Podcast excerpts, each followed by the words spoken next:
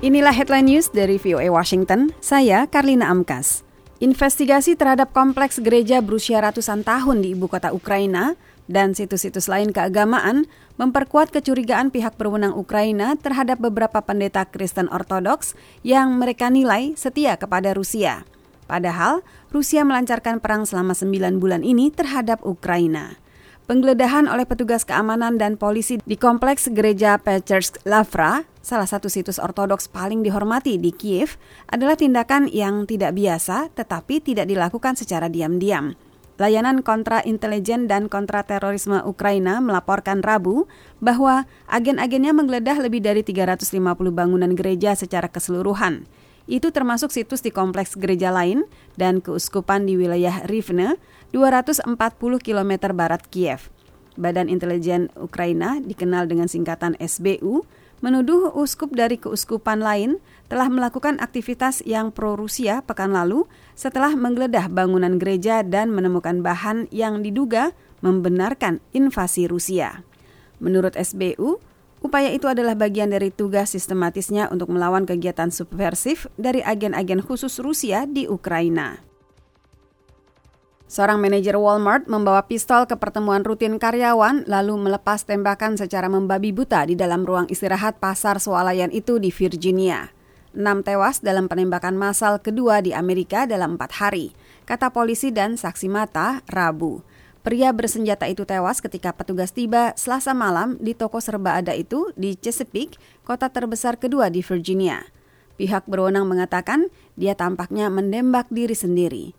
Polisi masih belum mengetahui motifnya.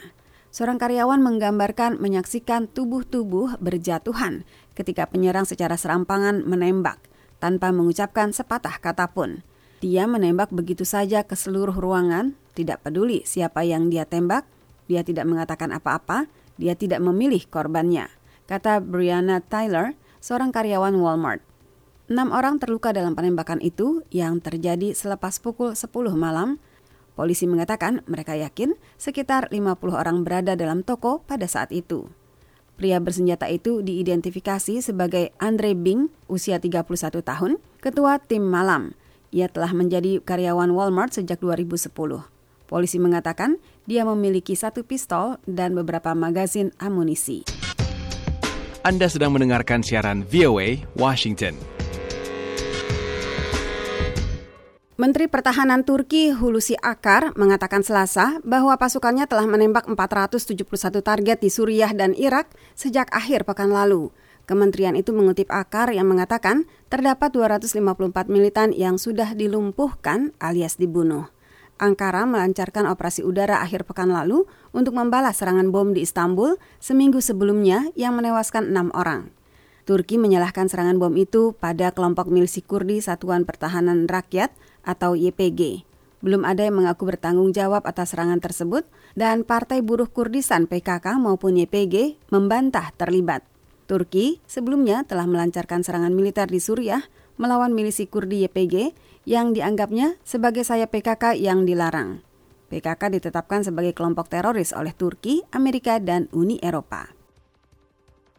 Ketiga pembangkit listrik tenaga nuklir yang masih berada di bawah kendali Ukraina secara otomatis terputus dari jaringan listrik Rabu setelah serangan udara terbaru Rusia menghantam negara itu, kata operator nuklir Ukraina.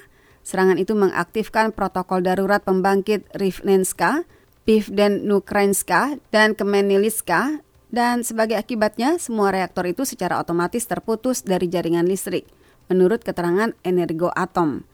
Ketiga pembangkit hingga berita ini diturunkan tidak memproduksi listrik untuk sistem energi dalam negeri. Pembangkit-pembangkit itu akan memasok listrik kembali segera setelah pengoperasian sistem energi dinormalisasi tingkat radiasi di ketiga pembangkit listrik tenaga nuklir dan area sekitarnya tidak berubah, kata Energo Atom. Di Ukraina Selatan, PLTN Zaporizhia yang diduduki Rusia mengalami pemadaman total. Semua mesin genset diesel dinyalakan, kata Energo Atom. Genset diesel adalah skenario cadangan yang memasok sistem energi penting bagi pembangkit apabila terputus dari jaringan listrik. Demikian headline news VOA Washington.